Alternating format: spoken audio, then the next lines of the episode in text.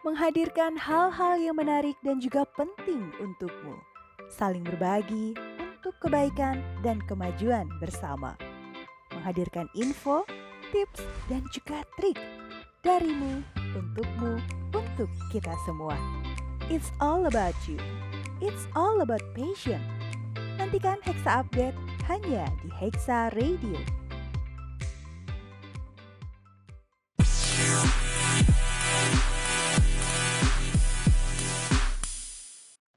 Assalamualaikum warahmatullahi wabarakatuh. Hai, halo sahabat Hexa Selamat datang di Hexa Update bersama saya Wastu Widiarini dari co-host Artakraf Bagaimana kabar sahabat Hexa? Semoga dalam keadaan baik ya. Hari ini kita akan membahas tentang menggambar itu mudah bersama narasumber Mbak Renite Wulandari. Selamat mendengarkan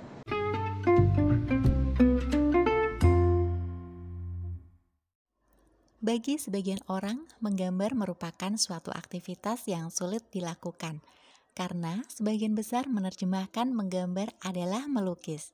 Standar inilah yang kemudian membuat orang berpikir bahwa ia tidak bisa menggambar. Padahal tidak demikian.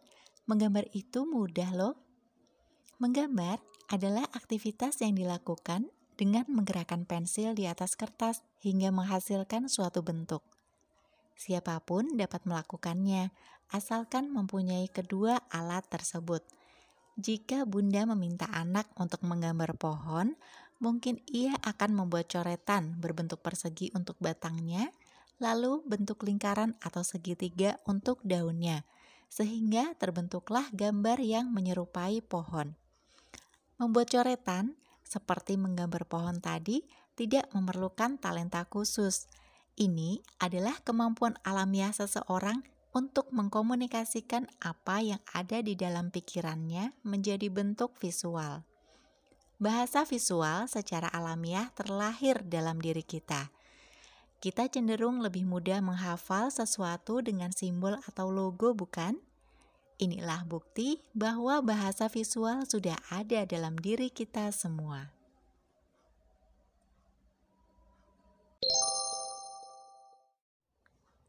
Bunda, adakah yang merasa tidak bisa menggambar?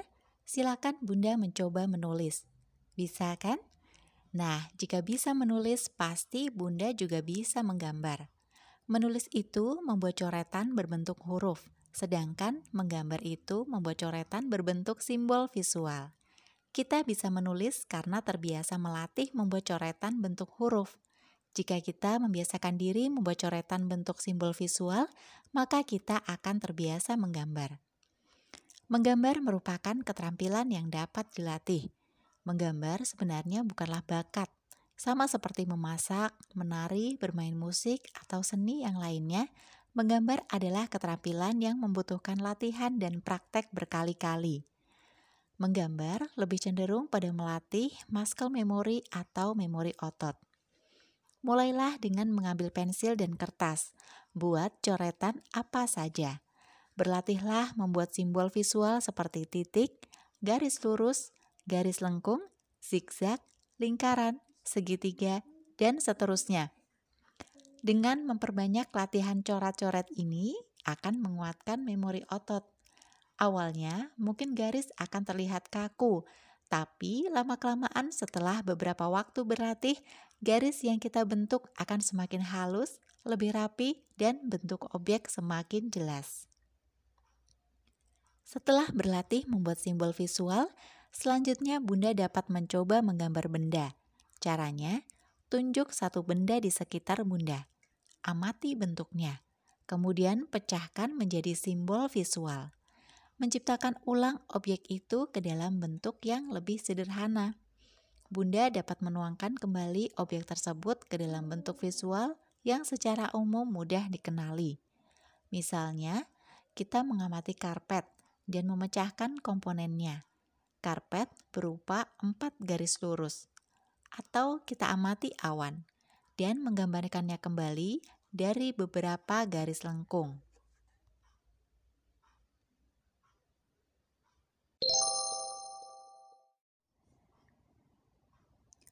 Bunda ingin mengajarkan anak menggambar di rumah?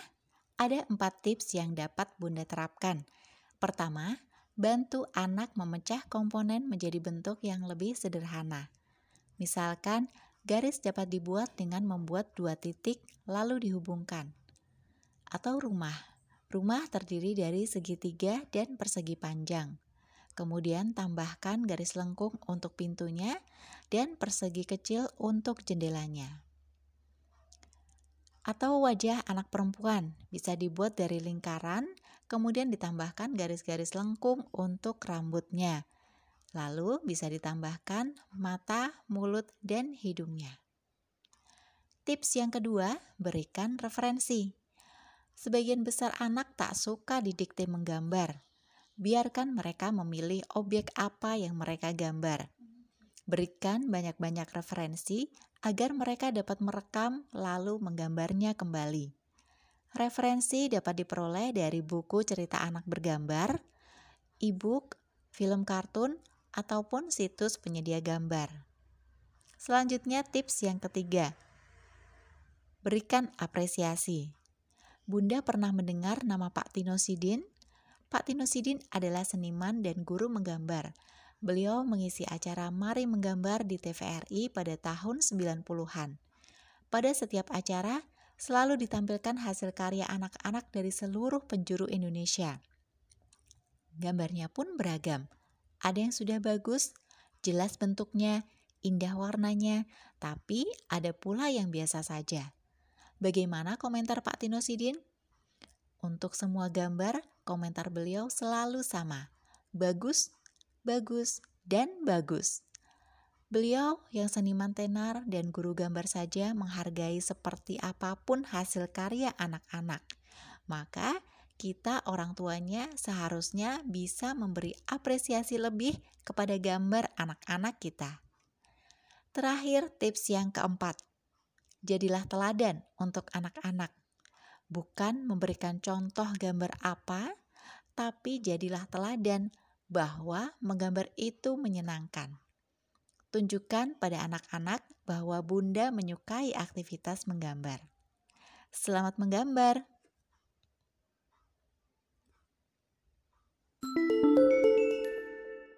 Demikian sahabat Hexa penjelasan dari narasumber Mbak Reni tentang menggambar itu mudah. Semoga info yang disampaikan bisa bermanfaat dan sedikit tips yang sudah disampaikan Mbak Reni bisa dipraktekkan. Selamat menggambar bersama anak-anak ya ayah bunda. Simak terus info terbaru dari Co-House Artakraft. Sampai berjumpa di lain kesempatan. Terima kasih sudah mendengarkan Hexa Update hari ini.